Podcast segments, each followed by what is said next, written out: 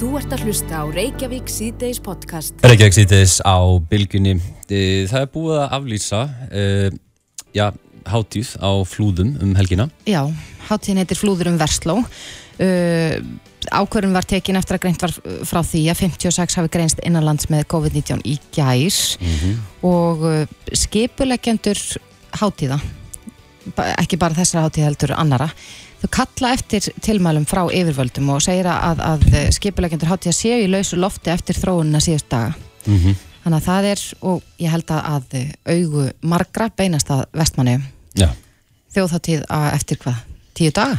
Já, á línunni hjá okkur er Hörður Orri Grettisson formaður þjóðháttíða nefndar, kom til sæl. Góðan daginn. Já, þú tjáðir þú nú aðeins í fjölmiðlum í dag og, og sagður að þú væri með ónóta tilfinningu yfir aðgerðum sem gætu sett þjóðháttíður skorðum Hvernig hefur þessi dagur verið og, og hefur staðan verið rætt innan ykkar aða? Já, já, sálsögðu við erum í miklu sambandi og hérna erum bara að ræða mólinn en, en hérna ónóta tilfinningin svo sem ekki torfin og hérna þannig að við erum bara í raun og veru að býða á þetta. Eh, við bara hefum svo sem tekið samt ákvörðinu það að bara halda okkar plani áfram, hátíðin er langt komin og bara skipulaði á loka metrónum. Mm.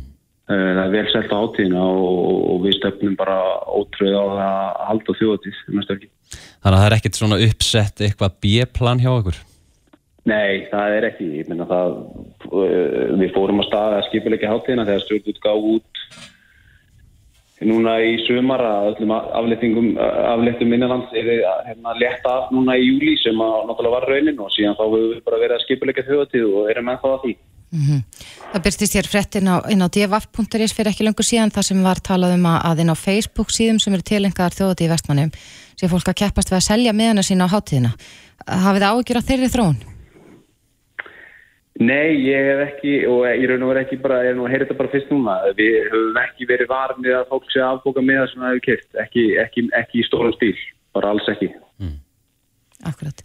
En eh, sá sem að var hér í frettum í forsvari fyrir þessa hátíð flúðurum Vestló, kallar eftir já svona frekara tilmælum frá, frá yfirvöldum, sóttvartan yfirvöldum Erst þú sammála því? Viljið þið fá meiri fyrirsjónleika í þetta og, og hvað myndi gerast fyrir ykkur ef að, að öll er þið skellt í lás hér rétt fyrir þjóðtíð? Já, við náttúrulega reiknum með að fyrirsjónleikin hefði verið þegar stjórnum gá út sínar áallanir og þegar öllum takmörgum var aflétt og þá hérna, byggust við alls ekki við því að það hefði tekið hamburðsuna því að ég, maður getur alveg ímyndis að menn hafi getað reiknað með því að ykkur svona smitt kemur en náttúrulega ef það kom ykkur, ykkur fyrirmæli frá, frá yfirvöldum þá náttúrulega bara munum við taka þau til greina. Það, það er ekki spurning. Þau eru náttúrulega gríðarlegum tekjumissi í fyrra. Eh, þetta er náttúrulega svakalegt ef, að, ef að þetta er eh, úr sambandi í, í ár. Það er alveg horrið til þess, það er fæðilegt félaginu dóst að lifa af þess að þetta ræðilega árið fyrra. Mm. og, hérna, og staðan er ekki betri ef, ef, ef þessu er skellt í loss Er einhvers konar plan B varandi fjáröflun fyrir IPVF ef að það verður ekki á þjóðu tíu ár?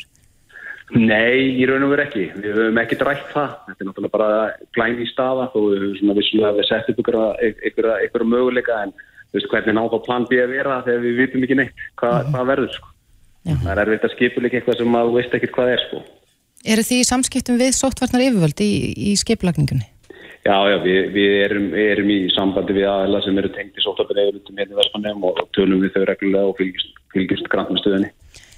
Já, þið fylgist með stöðinni áfram. Og við eh, fylgjumst með henni líka. Já, takk fyrir þetta, hörður Orri Grettisson, formadur þjóðdíanemdar. En við ætlum aðeins að halda áfram í þessu, ekki satt? Jú, förum frá uh, Vestmannægi í eigum, alla leðina norður á Húsavík og linni hjá okkur Guðrún Huld Gunnarsdóttir, framkvæmtastjóri Mærudaga sem fara fram um helgina. Kom til sæl. Hei, hei. Hvernig er hljóðið í ykkur skipulegjendum eh, maður þetta?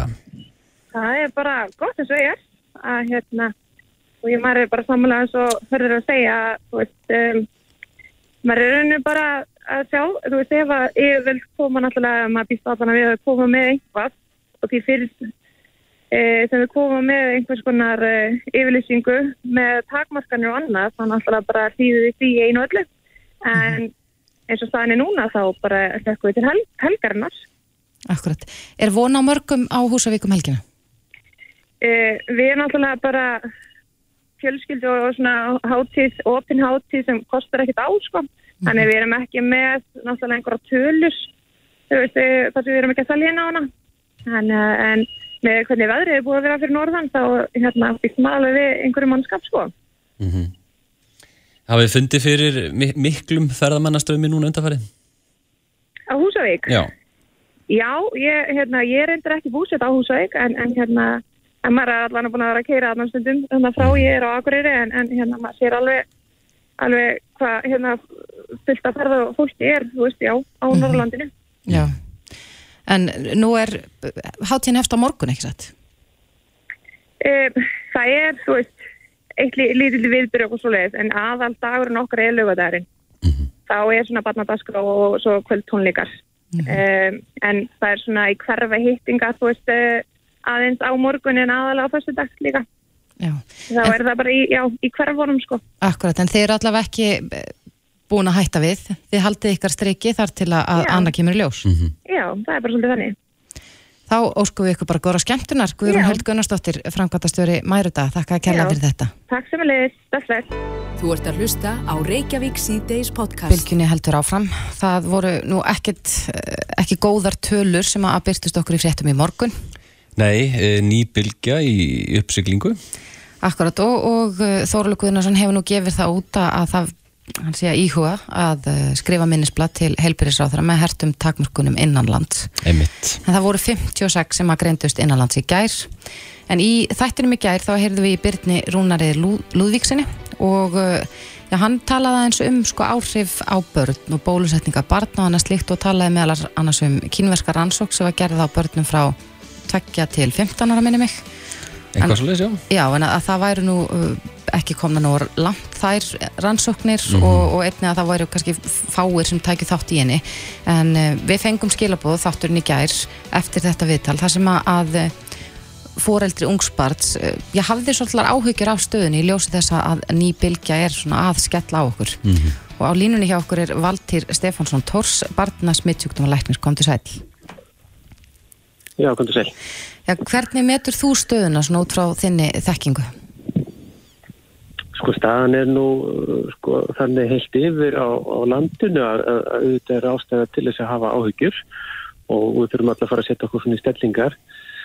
Varandi börnin sérstaklega þá er nú ekki ástæða til þess að hafa miklar áhyggjur og, og blessunarlega hefur þetta verið þannig en alveg frá upphafi að, að börn hafa vext lítið Mm Þetta eru núna uh, um og yfir 800 börn sem hafa greinst frá upphafi uh, faraldusins og ekkert þeirra hefur vext alveglega. Nei.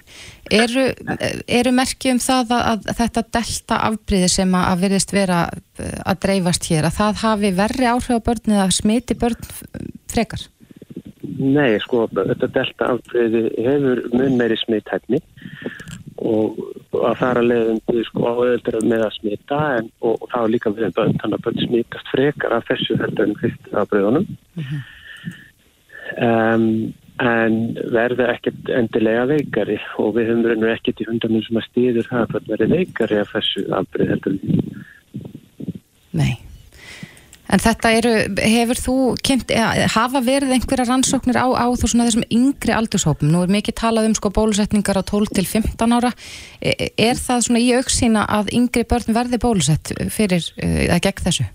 Já, það eru rannsóknir í gangi á yngri aldursópum við um heim og þetta sem að sko fyrstu rannsóknirna sem að komu út sko varðandi börn eru þessi, rannsóknir á 8, 12 til 15 ára og eh, þær gáfu ekki til kynna neina sérstakka áhættu og, og, og sko þegar maður er að horfa á þessi bóluefni og þessi bóluefni rannsóknir fyrir börn að þá er, er fyrsta og, og aðalatriður er, sko, er, er, er þetta örugt er þetta sko hættulust og síðan er þetta sko er, er virkni í þeim og, við hefum sjálfsögur enga áttu til að ætla annað en að bóluefnin virki vel hjá börnum þannig er það með langflest bóluefni að virknin er góð og í sjálfsögur ekkert sérstætt að óttast varðandi uh, áhættuna en, en við vitum það svo ekki. Þetta eru þetta ný bólefni og ég tel að, að það sé ekki sko, ástæð til þess að, að flýta sér mikið.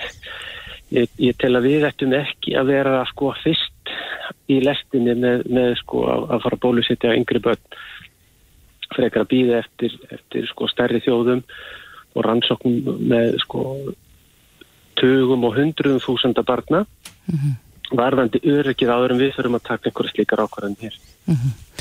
En þú talar um að það er allavega ekki mikil ástæða til þess að óttast útbreyðsluna sem er eiga sér staða núna svona gagvart börnum. Nei, ég held að við ættum ekki að óttast að sérstaklega hins vegar að verður að vera virðingu fyrir þessum farandri nú sem áður og þetta er nýtt þó að við séum búin að læra heilmikið undarfarið átján mánuði þá er þetta ennþá nýtt og, og þetta getur alltaf breyst ástandið þannig að það er, það er mikilvægt að bera virðingu fyrir þessu og, og, og fylgja þeim fyrirmæli sem koma frá sóttanir yfirvöldu en ég tel ekki ástand til þess að vera óttast legin yfir ástandinu. Er eitthvað nýtt komið í sambandi við barsamandi konur og hvort að uh, börn í móðukviði geti smittast af, af móðurinni? Já, það, það er þess dæmi að, að börn hafi smittast í móðukviði eða, eða minnstakosti þannig að, að börnin greinast með veiruna strax eftir fæðinguna og þá eru þetta sko mögulegt að barni smittist reynilega að fá veiruna í sig bara við fæðinguna mm. en einni um, um, einni er, er mögulegt að, að, að barna hafi smittast reynilega sko um, um fylgjuna mm -hmm. og um, en það góða í því er að, að börnin verðast ekki veikist alvarlega þau eru langt flest einkenna laus eða einkenna lítil Já En hvað með bólusetningar á ófrískum konum? Það hefur nú ekki verið kannski mælt gegn því en það er ekki mælt með því að, að ófríska konur þykki bólusetningu? Nei, og það er, er sko einmitt, einmitt þannig að, að, hérna, það eru engin gögn sem að sko stiðja það að þessi, þessi sérstaklega hætta í því fólkin og, og sumir benda á það að það að vera barshafandi sé ákveðin átti þáttur og, og mæli þannig með því En, en þetta eru svona sko, kostur og gallar í báðar áttir. En um, ég velti nú fyrir mér að nú hefur uh, sótvarnalegnir gefið þátt að hann að íhuga að, að herða tökin hérna innanland, innanlands. Mm. Telur þú tilefni til þessi í ljósi þeirra stöðu sem við erum í núna? Um, ég hef sjálfur sér enga sérstakar skoðun á því eins og þess. Ég er nú bara sjálfur sumafrí og hef ekki verið sko, í, í þessari ringið umræðunar. Um, þannig ég treysti sótundalagnin fullkomlega til að, að, að gera þær uh, ráðstafni sem til þarf. Mm -hmm. Já, við munum sjá hva, hvað gerist á næstu dögum. Valtýr Stefánsson Tórs, barna smittsjúkdmáleiknir Þakka kærlega fyrir þetta. Bestu þakkir, best best Hlustaðu hvena sem er á Reykjavík C-Days podcast. Reykjavík C-Days á bylginni uh, Við erum búin að tala svolítið mikið um COVID í dag Já, já. sem er nú kannski alveg eðlilegt að hafa ekki, ja, ekki fleiri greinst með veiruna sinni oktober í fyrra mm -hmm. þannig að staðan er nokkuð slæm já. en uh, við fengum til okkur í gerð Baldur Þórhalsson, professor stjórnmálufræði og vorum svolítið að spá í spilin varðandi pólitíkina í þessu öllu saman Já, hann var svona uh, taldi nú að kostningabaratan væri hafinn Mm -hmm. enda, enda ríkistjórnin já, ekki sammála um aðgerðan á landamærunum? Nei, þeir eru svolítið klopnir í afstöðu til sóttvarna og svo hafa nú einhverjur stjórnar andstöðinni tjásu um þetta en, en já, Otni Haraldóttir til dæmis segir að heilsa barna og viðkvamra hópa sé undir í ljósi fjölgunar kornu verið smita í samfélaginu mm -hmm. og þau stiðji þessar hertu aðgerður á landamærunum en hinga til okkar er komin Þorgiru Katrín Gunnarsdóttir formaður viðreistnar, kom til sæl Já, sælverði Já, þetta er snúin stað sem er komin upp og, og þetta virðist að verða mjög pólitist. Hafið þið ja, myndað ykkur afstöðu hvað þetta varðar? Mm, já, í rauninni höfum við tekið yfirlega þá bara afstöðu að við höfum staðið með sóttvarnar yfirvöldum, staðið eh, með þeim ákvörðum sem, sem að hafa verið lagðar til varðandi sóttvarnir eh, en á móti kemur að, að núna er að vissuliti breyttar aðstæður. Það er náttúrulega Uh, vítak bólusetning sem hefur átt sér stað blessunar, blessunarlega og þökk sé meðal annars alþjóðarsamstarfi að við hefum staðið okkur vel, vel í því. Þannig að eðlilega er fólki bröði við vorum einhvern veginn, þú veist það er hérna sprenging í, í ferðamennskunni og við erum að sjá bara einhvern veginn lífið verða alveg dásamlegt hér að nýju og allt opið. En þess vegna er, eru vonbriðin mikil þegar, þegar við sjáum það, fram á það að þrátt fyrir allar þessa bólusetningu að, að þá eru þessu hættumerki og hvað er þá til ráða? Og ég held að þessi erfitt að gera hana heldur en að hlusta á, á sótarnar yfirvöld uh, á þessu stígi Uh, og líka það að, að ég hefði óskað eftir því talandum það greinlega kostningaskjáltin og hann er komið fyrir í ríkistjóðana heldur en kannski aðra uh, og þau eru svona að byrja að tala út og söður við höfum, og þú veist að það var að ásettur ráði sem að viðrist til að mynda við höfum alveg gett að tekið ímsa pólavarand við höfum, vorum ekkert alltaf sammála öllu en við ákvaðum enga síður í ljósi þess að samstæðan er svo dýrmætt tæki um, dýrmættu kraftur inn í þegar við erum að berjast gegn svona uh, óþektri veiru eins og, eins og COVID er að það ákvaðum að, að styðja freka við samstöðuna heldur en að fara í og, og merkja okkur hér og, hér og þar. Um, en núna er þetta þannig að, að við erum að horfa upp á ríkistjóðnina vera með mjög fískipt á tóna finnst mér og mér finnst þetta slæmt á þessu tímapunkti. Uh, og mér finnst vond að, að, að kostningarnar eru svolítið að íta, finnst mér uh, svona þessum almanahagsmunum út á borðinu bara í ljósi þess að, að þau þurfa að merkja sig hver flokkur innan, innan ríkistjónar, reyndar hef ég ekki lítið hértt í framsókn og mér finnst það kostur, ég ætla bara að rósa framsókn, þau ætla bara að reyna að liggja svolítið lágt en uh, vonandi að styðja við samstöðuna. Hvað -hmm. þýðir þetta, hvað erum við að segja og hvað er ég að segja? Ég held að við þurfum að fara varlega, það er mér fyrst uh, þessi taktur frá, frá Þórólu vera nokkuð skinsamur, ég efast ekki um það að hann var búin að bóða hertari aðgerið ef að bólusetningi var ekki til staðar. Mm -hmm. Það hefur svolítið verið kallað eftir því svona í gegnum þetta allt saman að, að stjórnveld taki einhvern veginn skýrari afstöðu, sóttvarnarleiknir auðvitað leggur til það sem eh, best er út frá hans sérþekkingu. Mm -hmm. Er tímabært að þínu mati að fara að skoða þetta í víðara samhengi? Já, sóttvarnarlæknir, hann náttúrulega kemur sína tilugur út frá sínum fórsöndum og hann við marg ítrekka það, síðan er það að stjórnvalda að horfa á þetta út frá víðara samhengi og ég uh, hefði haldið það um, að það væri til ákveðna sviðsmyndur, það kemur á óvart ef að ríkisjónin var ekki búin að setja upp ákveðna sviðsmyndir uh, ef að þessi staða kemur upp uh, og það verður náttúrulega alltaf því vanraksla af hennar hálfið og hún hefur ekki gert það. Um, þannig að, að í dag með bólusettingarnar að þá eðlilega hljótu við að, að spurja hvaða fleiri hagsmunni þurfa að líta, líta til ef að fara af hörku í, í þessar lokanir sem sumir vilja. Um, meðan að aðrir er að segja við erum að sjá samfélagið opnast að nýju það er, það er ekki bara ferðarþjónustan á móti í sótvarnaræðkjum, það er ekki þannig heldur. Það snýst um okkar daglega líf. Uh -huh. uh, og þannig að, að það mikilvægast í þessu er að að menn segi ekki bara eitthvað eitt við ríkisvöldnaborðið og síðan fara menn á Facebook og út í fjölmjöl og segja eitthvað allt, allt annað. Og það reyndar það sem að eitthvað sem að við höfum verið vönaði þetta kjörtífanbíl að, að til að mynda sjálfstæðismenn þeir skrifi morgumblaðin á Facebook um, um mikilvægi frelsisin sem að við tökum undir en koma tölta síðan niður á þing og greiða aðkvæði gegn öllum okkar tilugum í allt og auknu frelsikvost sem að það er í minni sem stærri málum um mannanöfn eða netverslunum áfengi eða hvaða er en, en þau fylgja þessu ekki eftir og þess vegna finnst mér vond að þau skul ekki hafa staminu og, og, og stöðuleika innan sína raðum það að standa þó saman í þessu alveg út til enda, hafa úttaldið. Uh. -huh. Þannig að, að hérna, ég bara vil hvetja ríkistundaflokkana því þetta, það er svo mikið, það er svo mikið undir reyniði nú að, að tala ykkur saman á eina niðurstöðu, tvítóna eða jafnvel þrítóna uh, hlutir frá ykkur er ekki til gags fyrir, fyrir land og þjóð. En, en kemur það þá ekki óvart að, að hérna, sjá ríkstjórnina að vera svona kítast í fjölmjölum?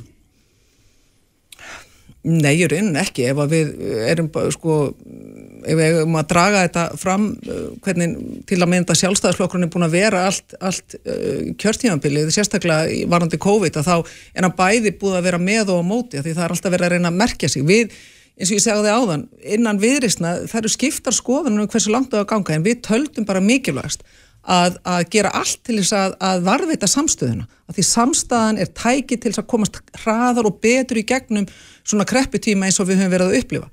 Við höfum, eins og ég segi, frekar upplifa frá sjálfstæðisfloknum, allt frá byrjun COVID og núna bara uh, frá síðasta ríkistjóðanfundi, sé þetta uh, með og á móti. Og mér finnst það slæmt, mér finnst það mhm. vond, mér finnst þetta vond skilabóð, þó ég skilja ákveðin sjóna með þarna, að þá verða þau samt aðeins að anda og anda meira inn í, inn í kviðin og, og segja sko við þurfum að komast í gegnum þetta. Það er meira heldur en bara kostningarna sem við þurfum að klára. Við þurfum að klára COVID sko. Mm -hmm. Ég held að almenningur já, hafi upplifað ríkistjórnuna sem svona, samstíga í þessum aðgerðum hinga til en, en eh, heilbyrðisráþra saði viðtala rúfi vikuna sjálfstæðismenn hafa allt frá upphafi verið með evasendur um ýmsar sóttvarnar ástafanir um, er, er þetta að koma upp á yfirborðin núna bara vegna þess að það styttist sennilega í kostningar? Já, eins og ég sagði áðan að þetta er eitthvað sem við höfum fundið og, og, og skinnjað um, þetta er ekkit nýtt sko og, og það er ekkit bara í COVID það er náttúrulega fyllt af öðrum málum sem að þau eru uh, svona ósamstega í en þau eru náttúrulega merkilega samstega í, í svona öðrum málum þar sem að á bara að vera að kista það hvað sem er lítindi sjávartismála, landbúnaðamála, gengismála og svo framvís en, en í þessu að það er uh, þau Já, þetta er mörguleitur rétt hjá helbriðisáður að þau hafi ekki verið alveg, alveg samstiga í, í, í þessu og mér hefur fundist stundum að það þýrt að vera um, meiri stjórnfesta og, og skýrurlega skilabóð, ekki síst núna þegar þessi miklu almannahagsmunur eru, eru undir. Þannig að ég vil ennu aftur bara hvetja ríkistöndaflokkana um, klára þetta við ríkistöndabborðið, ekki koma síðan að vera margsaga uh, sko, út í samfélaginu með óræð, tvíræð skilabóð. Akkurat. Er Þorgjörður Katrín komin í kostningaham? Ekki að segja bara við dættum í, í kostningahaman eftir, eftir Veslunumanna helgi svona, við erum að, að, að fjölskyldna bara gera eitt og annað, það er mikil amalisvika núna framöndan einan, einan fjölskyldunar og, og hérna ymsir fundir sem að maður hefur verið á sem eru skemmtilegir, þetta er svona annar taktur, það er náttúrulega Þetta er kannski líka það dásamlega við að vera í pólitík og að, að þetta er svo fjölbreytt starf og, og núna er því að þingið er ekki að það ferður bara í aðra hluti, hittir fólk með öðrum hætti um, og það er gott og maður reynar að notfara sér það en, en ég vona það bara stjórnmála fólksins alls vegna að við reynum að, að, að leif okkur aðeins að vera í frí allavega núna næstu, næstu viku, tvær vikur fram yfir, yfir Veslamannhelgi. Þorgeri Katrín Gunnarsdóttir, formadur viðreistnar. Takk kærlega fyrir komuna.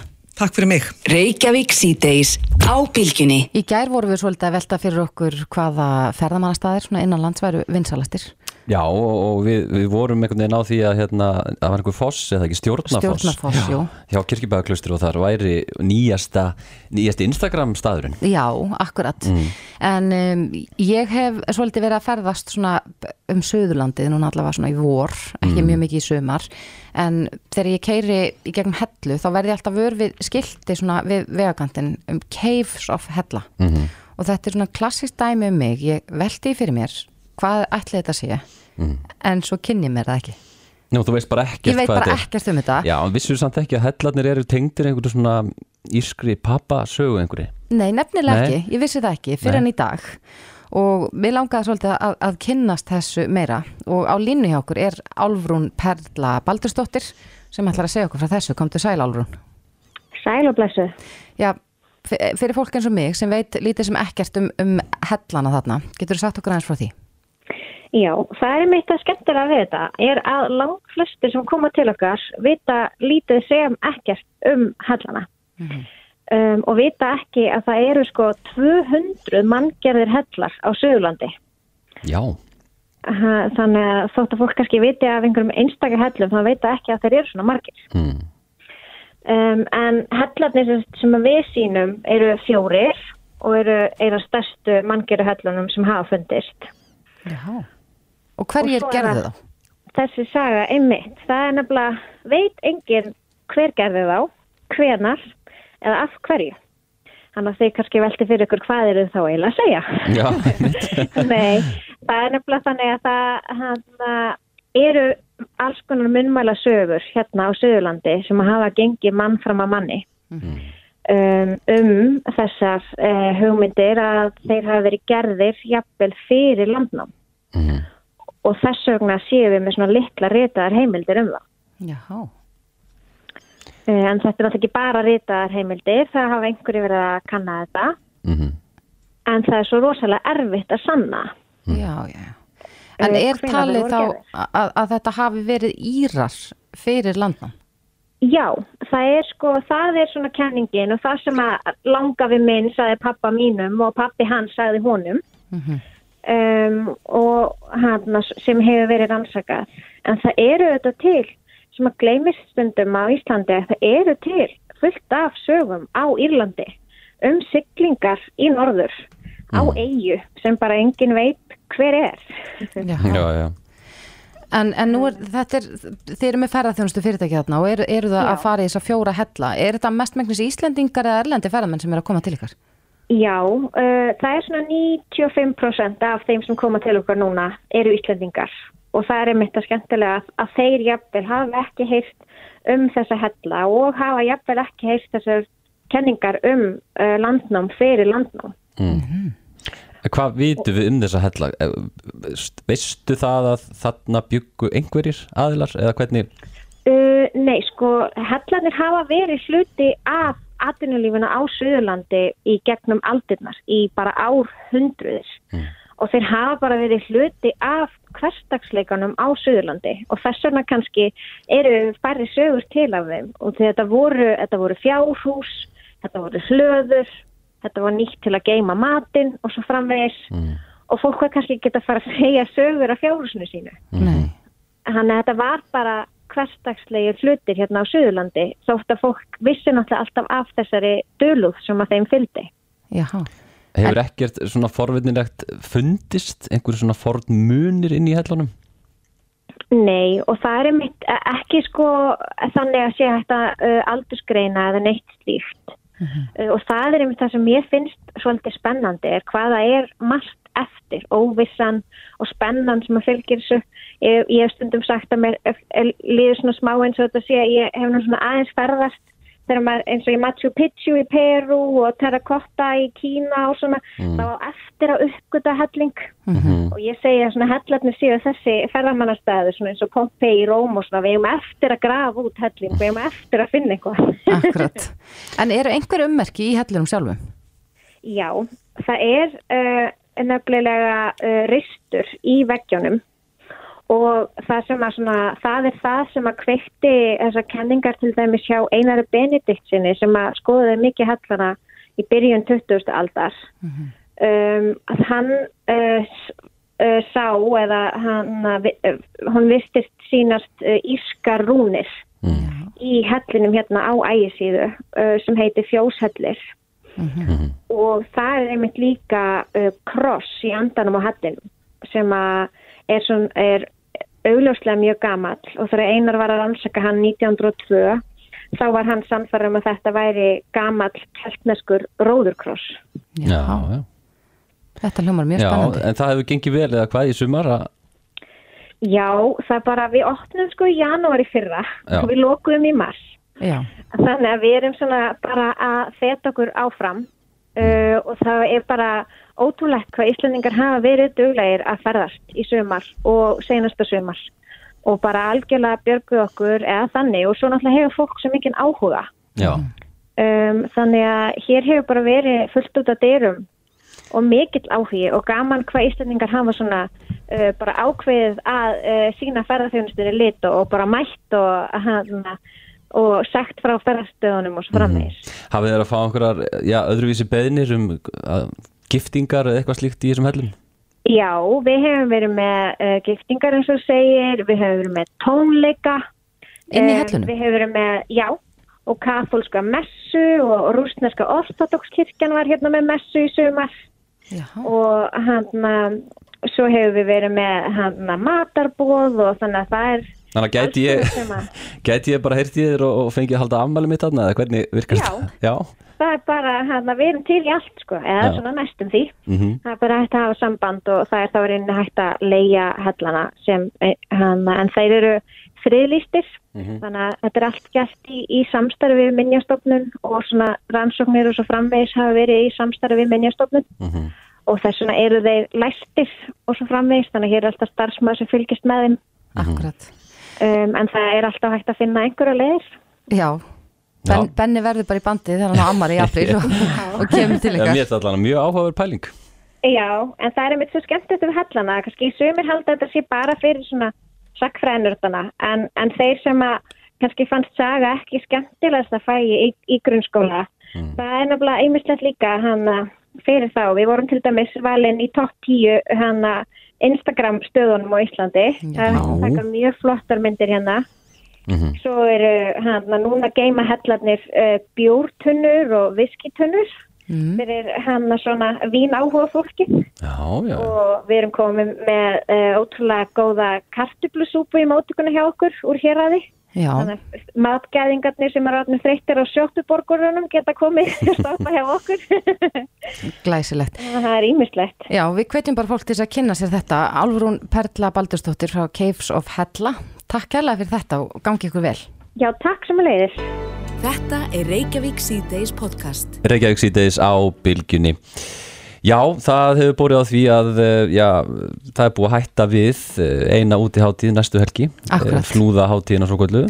Já, og skipuleggjendur þessara há- hátíða eh, eru svolítið svona uggandi, Mhm. vilja fá tilmæli eða skýrari svörum hvort að þau eigir hennilega að hætta við. Mhm, En svo hefur aðeins borið á því og við höfum séð svona í kringum okkur að, að tónlistarfólk, sjálfstætt starfandi tónlistarfólk er um, já, svona pínlítið að nálum yfir stöðunni. Já, uggandi yfir þessu, eðlilega. Þetta hefur gríðarlega áhrif á, á, á þeirra eh, vinnu. Já, og, og, og síðast eitt og hálft ár hefur auðvitað verið erfitt og nú eru hjólinn farin að snúast aftur. Það er mikið um tónleika framöndan.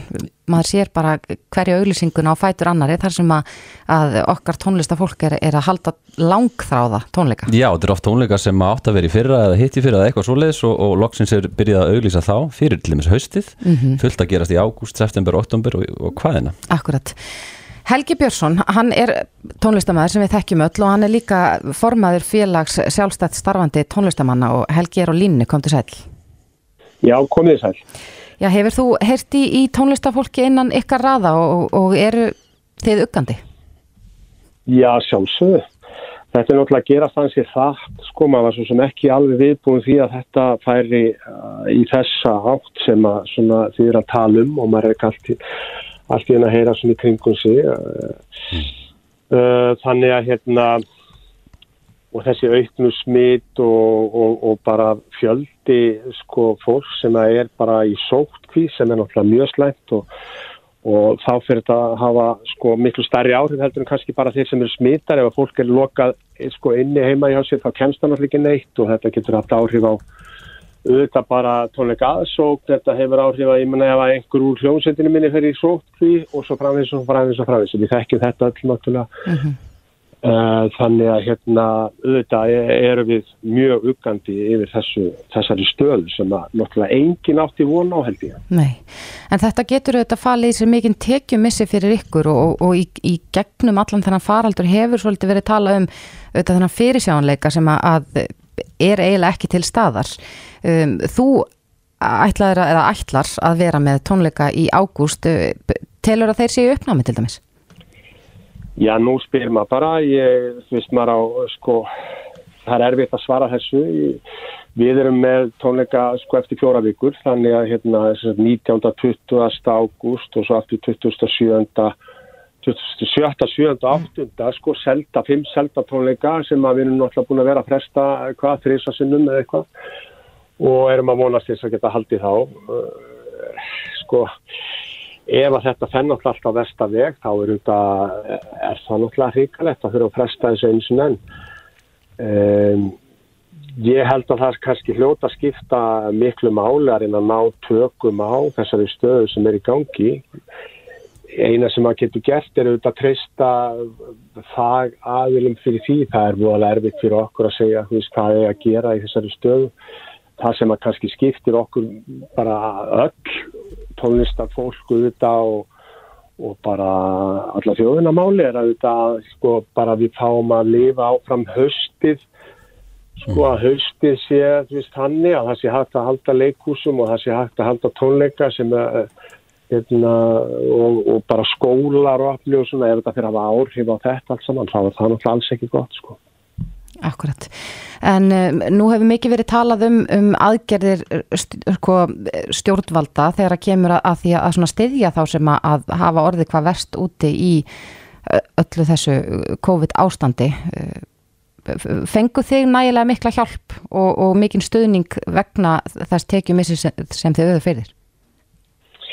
Við fengum stuðning frá Ríkistjórn sko, eins og flest allir aðrir sjálfstætt starfandi. Þannig að uh, það tók ansi langan tíma og gekk svolítið seintir sem við vorum alltaf lang síðust í röðinni eins og oft vil verða með listamenn. Að við erum ekki talinn svona á sama bás og aðrir oft á tíðum. Um, en og það var líka í stittri svona það hefði mátt vera lengja það tímabill þetta eru svona útfærslu aðrið sem kannski var mikið uh, mála að fara út í nákvæmlega hér en, hérna, en já, vissulega fengum við stöðning mm. gerum það.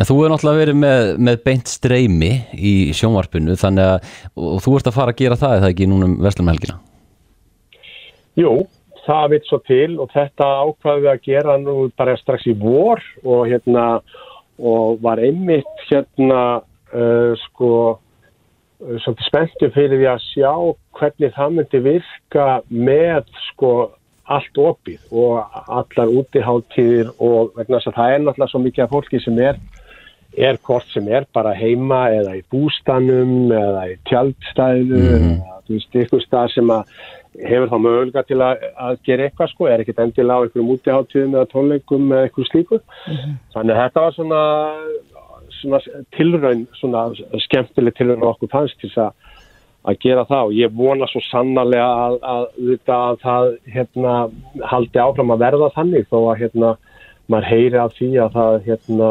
stefni í það að einhverjum hátíðum sé aflýst um, hvað svo sem síðan verður. Ég veit ekki hvernig þetta er að þróast en, en þú veist, auðvitað, er, auðvitað þarf að taka skinn sem er að líti þessu. Það er náttúrulega er ekkit endilega heldur máli að setja bara hausin undir sig og, og, og keira sér í gegnum veggin skilur eða það skilar einhverjum árangur kannski til langs tíma litið. Og hérna og það er kannski sko meiri fólkið í því að, að, hérna, að halda að kannski þú veist að halda ekki endilega mörg þúsund manna útíháttir og e, eiga svo kannski frekar höstið og framöndan þú veist til allt sem er mm. áætla þá þú veist og bara ásáttir og leikús og svo framins og framins sko mm. þannig að þú veist það þarf að horfa á þetta í stóru samhengi Já Við munum sjá hvernig þetta fer og, og, og vonandi sjáum við ekki meiri aukningu á smitum hérna innanlands en eh, Helgi Björnsson, tónlistamæður og formaður félags sjálfstætt starfandi tónlistamanna. Takk kærlega fyrir þetta. Takk sem leiðis kærlega.